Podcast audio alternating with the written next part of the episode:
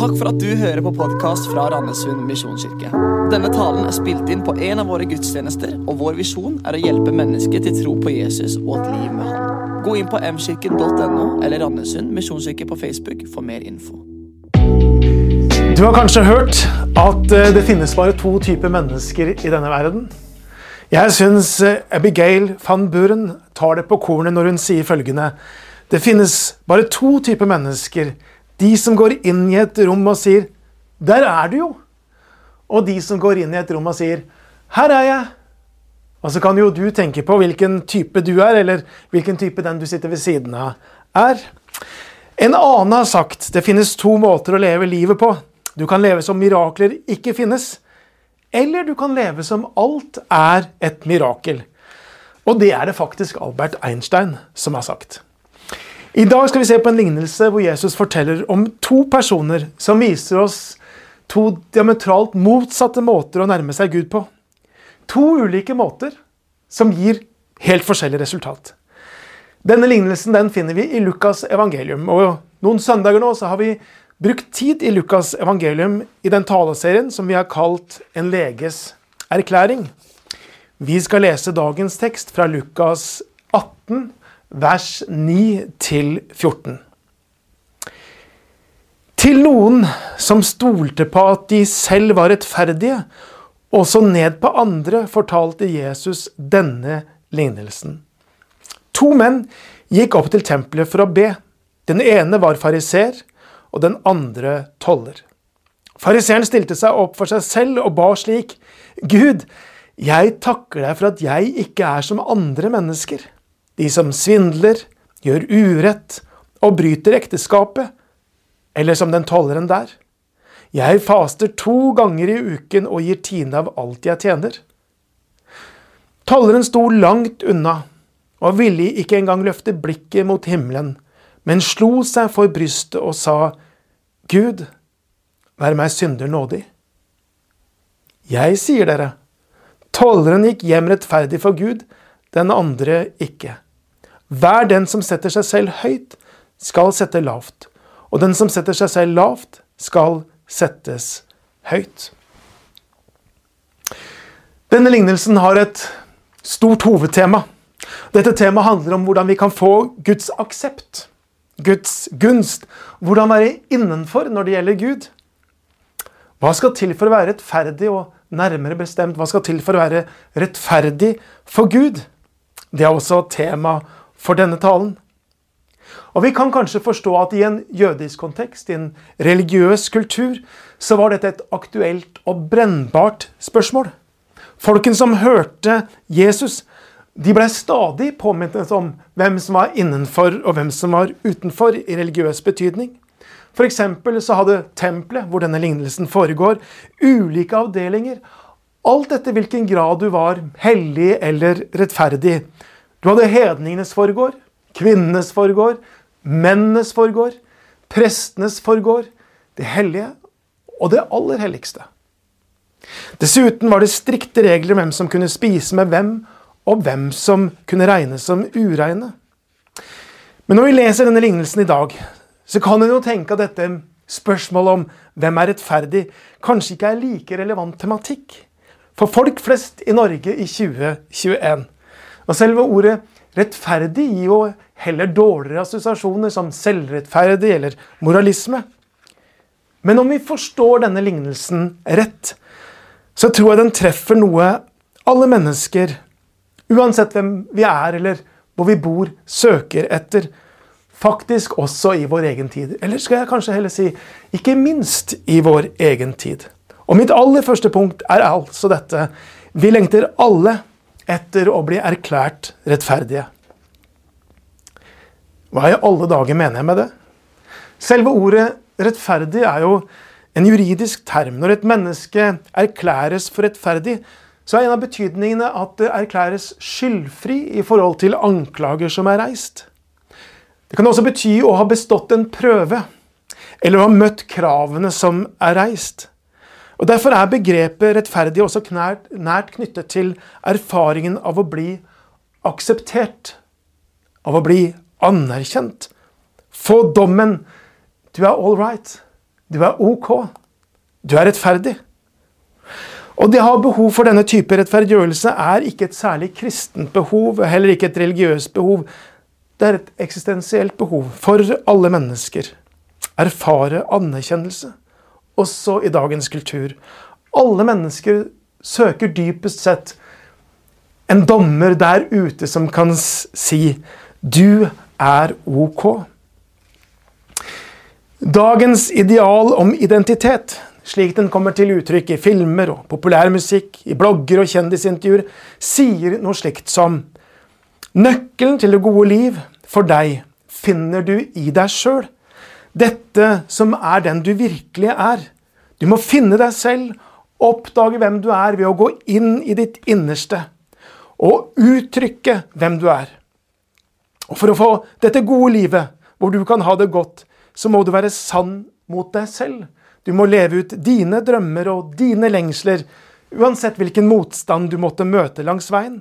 Uansett hvor andre, hvordan andre måtte forsøke å tvinge deg inn i rammer, så må du ikke la deg forme. Du må finne ut den du er, og uttrykke det. Og om du gjør det, ja, så står dagens samfunn der og applauderer. Da blir det kanskje TV-serie om deg, og du kommer på Skavlan og Lindmo, og tårene renner hver gang vi møtes. Problemet med en slik tilnærming er at den ikke hjelper oss. Det holder nemlig ikke ut å bare leve ut ifra hans ens indre uten å bry seg om andre, om omverdenen. Mennesket må, må, ha og er i desperat behov av anerkjennelse. Og den må komme utenfra. Når mennesket sier 'jeg bryr meg ikke om hva andre tenker eller synes om meg', så er det så feil som det går an å være. Og de som sier det mest høylytt, er jo nettopp de samme som er mest opptatt av å høre omverdens applaus og likes og tommel opp. Filosofen Charles Taylor er en av de som har pekt på nettopp dette. Han setter fingeren på problemet når han snakker om denne utfordringen som samfunnet står over, ved at vi skal finne identiteten inni oss. Han sier følgende. Vårt behov for anerkjennelse har ikke blitt redusert. Tvert imot, det har blitt forsterket. Fordi ens identitet må anerkjennes av andre. I tidligere samfunn ble en persons identitet vanligvis etablert av hans eller hennes sosiale stilling. Det var en identitet som umiddelbart ble anerkjent av andre. Problemet når vi skal finne identiteten i oss selv, så skjer det ikke noen anerkjennelse umiddelbart fra omverdenen. Så da må denne anerkjennelsen vinnes. Den oppnås gjennom å vise omverdenen hvem jeg er, og få oppmerksomhet. På filosofers måte sier han jo mer vi vender oss inn i oss sjøl for å finne identiteten der, jo mer vi går vekk fra sosiale roller og isolerer oss til et sånt individuelt selv, jo mer desperat trenger du anerkjennelse fra noen utenfor deg selv. En anerkjennelse som må vinnes. Og den vinnes gjennom prestasjon. Så når vi sier vår identitet skal finnes i oss selv, så får vi samtidig et samfunn hvor vi kjemper for andres anerkjennelse. En kjemper for å bli kjent, for å bli sett, for å bli verdsatt. For det er én ting vi ikke kan, og det er å bekrefte oss selv. Til det trenger vi noen utenfor oss sjøl. Om ikke vi får den type bekreftelse, ja, så kommer selvtvilen krypende. Er jeg egentlig noe verdt? Er det rart at en oppvoksende slekt strever med prestasjonspress? Det er skapt av dette moderne narrativet. Det er dette behovet for anerkjennelse som gjør at vi ikke bare kan glede oss over en fjelltur i fantastisk natur, men vi må stoppe opp, ta bilder, legge det ut, slik at andre kan verifisere denne autentiske opplevelsen og gi den verdi. Ved at de ser, at de kommenterer og gir likes. Jeg kritiserer ikke sosiale medier eller at folk legger bilder ut, men det synliggjør nettopp dette behovet etter å bli sett og få oppmerksomhet. Skal en opplevelse virkelig ha verdi, så må den vises fram. Som en sa, det har ikke skjedd hvis det ikke er på YouTube. Skal jeg kjenne at jeg har verdi, så må jeg anerkjennes utenfra. Og så legger vi ut ting og håper å få kommentarer som tommel opp, skjønningen, du er best, du er god, så sprek du er. Behovet for å bli rettferdiggjort er på ingen måte borte. Dagens mennesker søker aksept. Også dagens mennesker lengter etter en dommer som, og håper at han dømmer i deres favør. Du er ok. Men fordi vi lever i en tid hvor Gud er ute av bildet for veldig mange, ja, så blir det eneste publikum det blir jo de andre. Og de andre der ute er ikke alltid like fintfølende. Som en sa, kanskje er den allmektige og allvitende Gud mer tilgivende enn den ustoppelige overvåkningen fra Snapchat, Twitter og Instagram. For det er noe dypt ironisk med en kultur som dyrker individualisme og heier fram mangfold. Samtidig så er det en kultur preget av fordømmelse, skambelegning og boikott av de som sier noe som ikke passer inn i denne moderne fortellingen. I den lignelsen som vi har foran oss i dag, så viser Jesus oss to tilnærminger for å forsøke å bli rettferdiggjort. Den ene av disse veiene lykkes. Den andre mislykkes. Den ene representert av fariseeren, og den andre er representert av tolleren. Og overraskende, i hvert fall for de som hørte Jesus første gang, så er den tilnærmingen som ikke lykkes, den stikk motsatte av det de trodde. Det andre vi skal se på i dag, er dette vi mislykkes når vi forsøker å rettferdiggjøre oss med egne prestasjoner.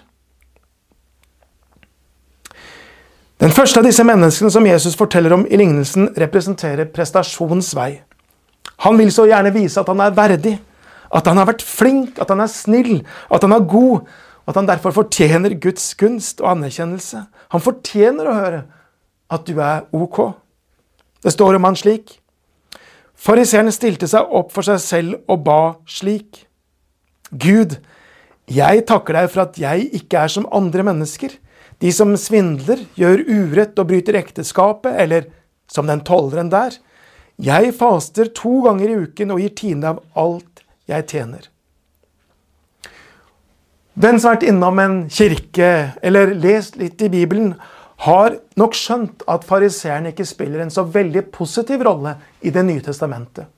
Vi assosierer det gjerne med selvrettferdige og maktsyke personligheter. Og det er nok en side av bildet. Men det er en annen side også. I sin samtid var fariseerne høyt ansett. Og de gjorde mye bra. De startet f.eks. skoler for gutter for at de skulle lære å lese. De hjalp fattige, og de bidro inn i samfunnet. De var veldig moralske, de var fromme, og de tok sin tro på alvor. De var slike, som var pinlig nøye til å sortere sitt avfall. Det var ikke en epleskrott der som falt i restavfallet. De var de første til å bruke munnbind, og de stilte alltid opp når det var dugnad i nabolaget.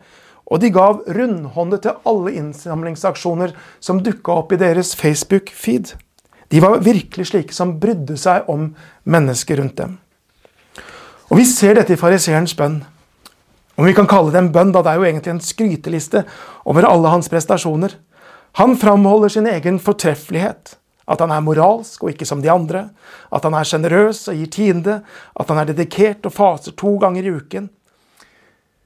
Og så trenger man jo ikke være religiøs for å tenke på denne måten at om jeg bare viser mine prestasjoner, sånn at Gud og mennesker kan se det, ja, da blir jeg verdsatt, da får jeg verdi, da blir jeg akseptert.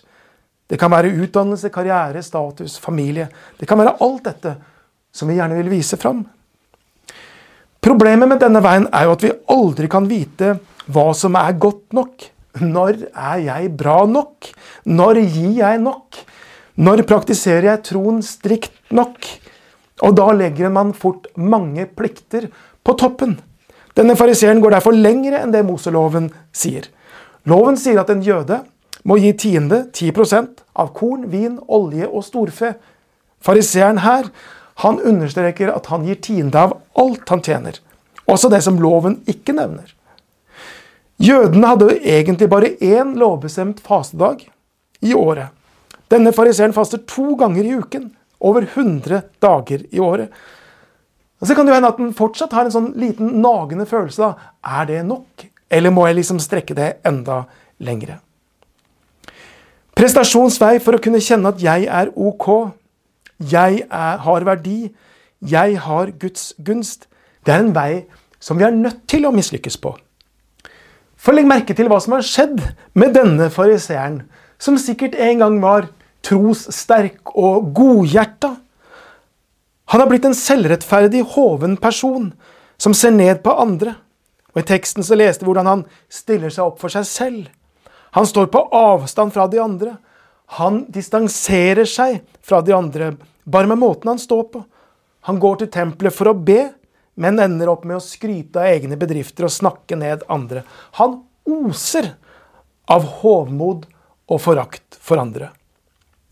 Og likevel Alt det der vil ikke på et eneste sekund stilne den tomheten og litenheten som han nok kjenner på inni seg.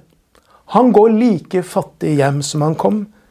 Jesus sier at det er den andre som går hjem rettferdig for Gud, ikke fariseeren. Uansett hvor mye han har lesset på av fromhet og plikter, vil det ikke slukke tomheten han føler på. Tvert imot, selv de gode tingene han gjør, formes om til selvrettferdighet. Jesus sier her at forsøk på å rettferdiggjøre deg gjennom prestasjon vil alltid forråde deg og ødelegge deg. I denne teksten viser Jesus oss en annen vei til å bli rettferdiggjort overfor Gud enn å vise til hva han har prestert. En annen vei til å oppnå anerkjennelse og få verdighet enn hva jeg har klart å oppnå. En annen vei til å erfare at det er OK med meg. Vi ser det i vers 13 og 14. Det står det. Tolleren sto langt unna og ville ikke engang løfte blikket mot himmelen, men slo seg for brystet og sa, Gud, vær meg synder nådig. Og Jesus fortsetter med å si, Jeg sier dere, tolleren gikk hjem rettferdig for Gud, ikke den andre.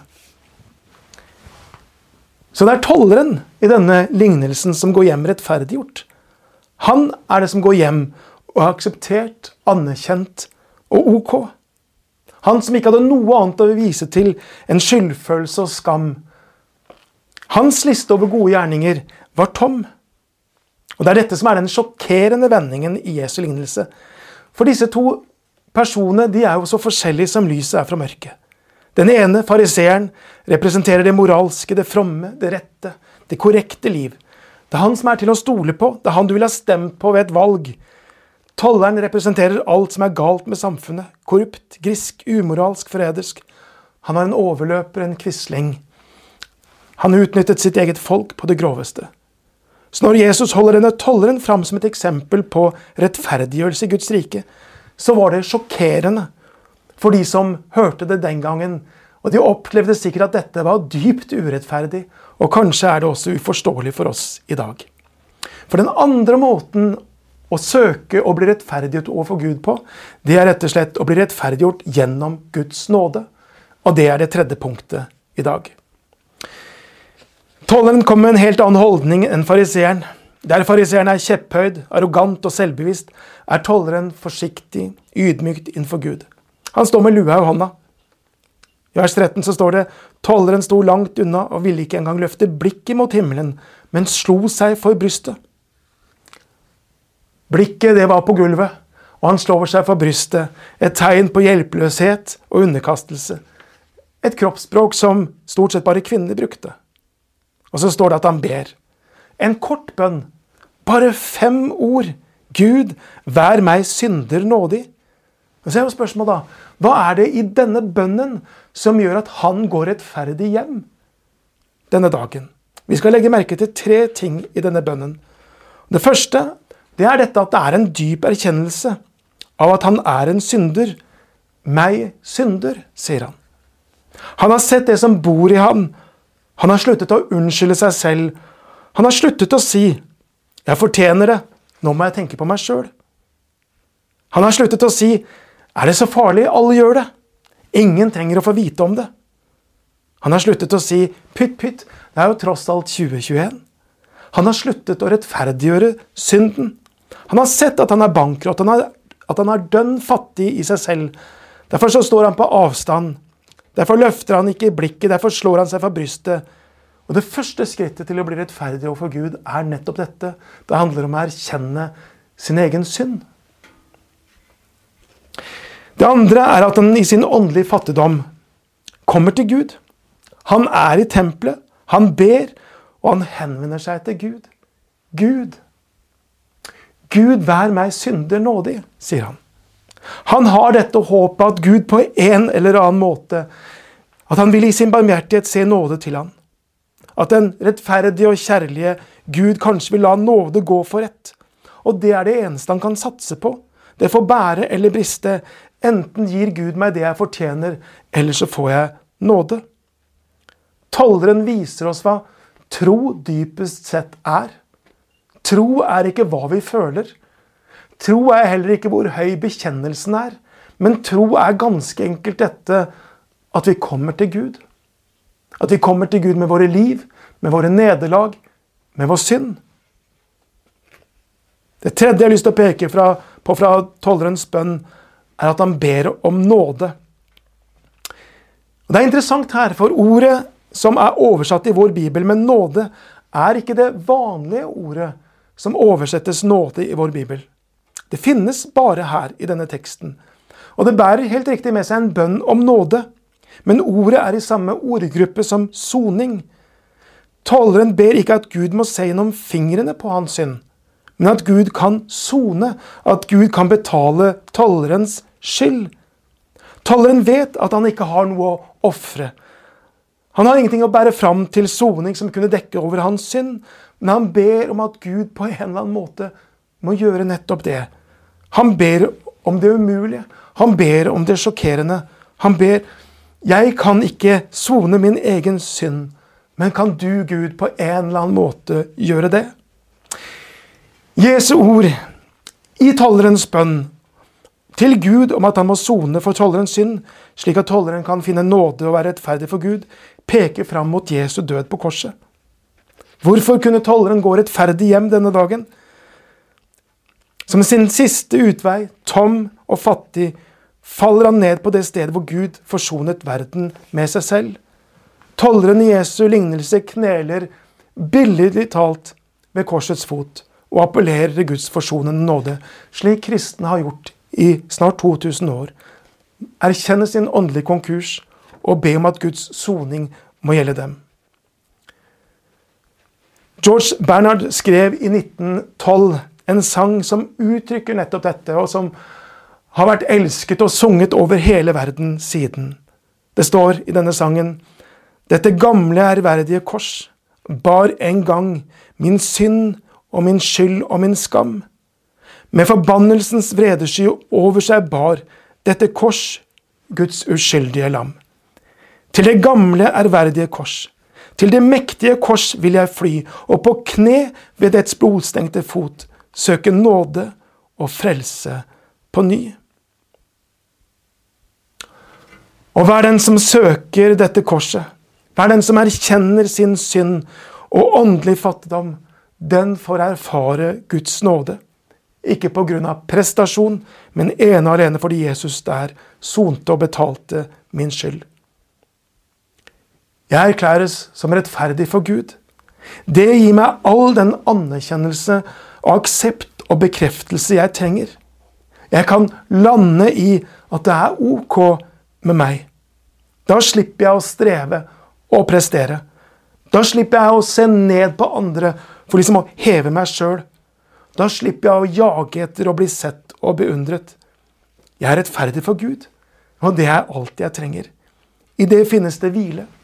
I det finnes det senkede skuldre. Jeg trenger ikke å bli stressa for å bli likt. Og jeg trenger ikke å bli engstelig om ikke alle liker meg. Jeg er rettferdig for Gud, og det holder. I dag, der du sitter, så må du ta et valg. Fariseerens vei eller tollerens vei.